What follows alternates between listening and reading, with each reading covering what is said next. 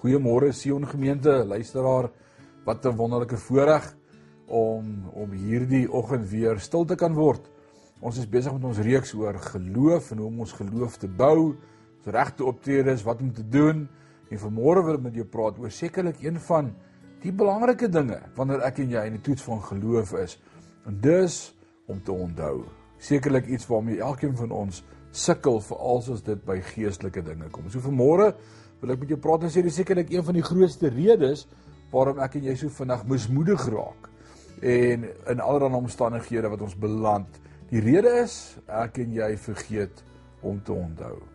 As ek en jy net meer gereeld kon dink aan alles wat God vir ons gedoen het, sou ons deurentyd meer bewus gewees het van God se plan met ons as ook die feit dat hy altyd by ons is. Daarom is dit so belangrik om in die woord te wees en in die woord te bly, tyd te maak vir God elke dag in ons lewe sodat ek altyd sal onthou waarmee is God met my besig. Matteus 28 vers 20 leer my mos dat Jesus vir ons gesê het ek sal altyd by julle wees tot aan die einde van tyd.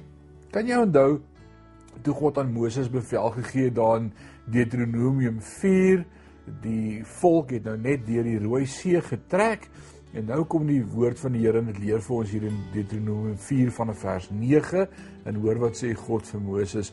Hy sê sorg dat jy nooit die dinge vergeet wat jy met jou eie oë gesien het nie. Jy moet dit lewenslank onthou en daaroor nadink. En jy moet ook vir jou kinders en kleinkinders daarvan vertel. God is baie ernstig daaroor dat ek en jy moet onthou wat hy alles vir ons gedoen het. Op hierdie spesifieke punt is dit die punt waar God vir hulle sê bou 'n altaar en elke keer as julle kinders vir julle vra wat is hierdie altaar, dan moet julle terugdink en sê dit is waar God ons gehelp het en deurgedra het. Maar hoe kan ek en jy dit regkry om te onthou? Dawid leer ons so iets daarvan in Psalm 66 vers 5 as hy uitroep en sê kom kyk na wat die Here gedoen het kom luister na wat hy vir mense gedoen het. Dawid het iets daarvan verstaan en gesê ek moet ek moet nadink daaroor en ek moet dit met ander deel. So kom ons probeer vanmôre om 'n praktiese paar punte te kry in my en jou lewe wat ons sal help om te onthou. Dis wat dis waarmee ons sukkel. So kom ons kyk of ons dit gaan regkry vanmôre. Die eerste punt wat ek wil maak vanmôre is ons moet die Bybel hardop lees. Romeine 10 vers 17 sê die geloof kom deur die gehoor en die gehoor kom deur die woord van God. So ek het al agterkom my lewe wanneer ek die Bybel hardop lees en my ore hoor wat my mond sê, wat my oë sien, is ek geneig om dit makliker te onthou as ek dit gehoor het. Maar hulle sê as jy dit sien en hoor, onthou jy dit baie beter as wanneer jy dit net gesien het. So probeer om die Bybel hardop te lees, dat jou ore en jou hart kan hoor. Want die Bybel bepaal wat ek glo aangaande God. Dit bepaal my geloof. En die beste plek om van God te leer is in die Bybel. So lees die Bybel hardop. Dis punt 1. Die tweede punt wat ek wil maak vanmôre is maak aantekeninge in jou persoonlike dagboek. Skryf waaroor jy bid. Skryf wat jy gelees het. Maak notas daarvan. As ons nie ons lewe met God neerpen nie, sal ons nooit groei in ons geloof of ten volle gehoorsaam kan wees aan God nie. Ek het nodig om terug te kan gaan en te sien, oh, ek het laas jaar vir dit gevra, maar 2 maande daarna het God voorsien. Weet jy wat dit bou my en jou geloof? So ek wil jou vanmôre aanraai, begin jou geloofslewe neerpen, maak aantekeninge. Die derde punt wat ek wil maak vanmôre wat my help, is bestudeer die lewens van groot gelowiges. Lees boeke. Ek hou van 'n outobiografie oor een van die groot geloofshelde. Daar's so 'n reeks God's Generals. Kry daai boek. Dis fenomenaal. Dit bou jou geloof, dit stig jou. Dit dit help jou om te sien dat hulle ook onder begin het, ook gestruggle het, ook gesukkel het geperseveer het, vasgehou het, aangehou, glo het en hoe die deurbraak gekom het. Onthou wat ander in die toets van geloof gedoen het. En dan boeke in die Bybel wat jou daarmee kan help, hoofstukke soos Hebreërs 11 wat jou kan help om na die geloofshelde te kyk en te sien wat hulle geloof in God so groot gemaak het. Die vierde punt is dink gereeld na oor onlangse gebeure in jou lewe en gee dan eer aan God. Ek dink ons dink te min oor wat gebeur.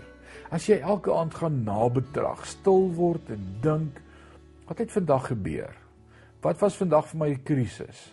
Hoe het ek dit hanteer? Hoe het God vir my deurgekom? Hoe het hy my gehelp en gedra?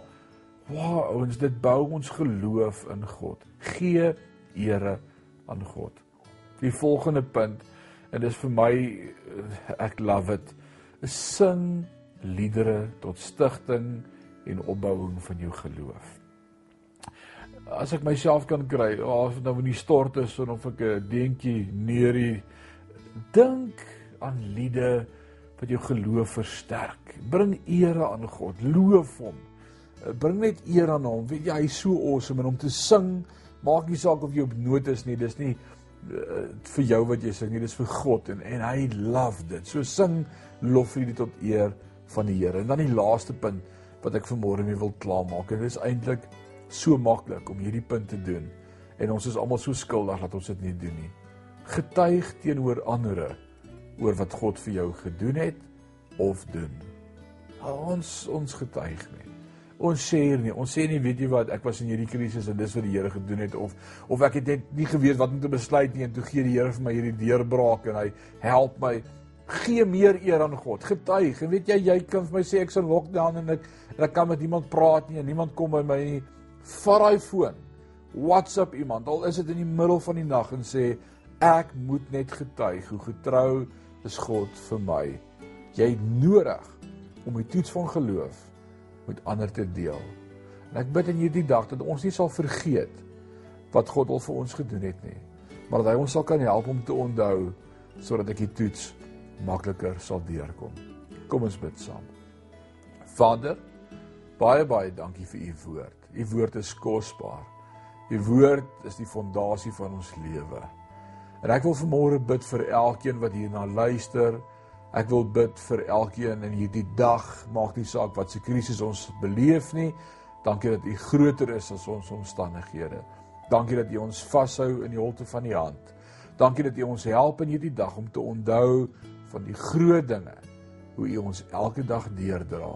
Dat ons aan U sal eer gee, dat ons sal lofliede sing tot eer van U naam, maar help ons ook om te getuig met ander. Help ons om te onthou in Jesus naam. Amen.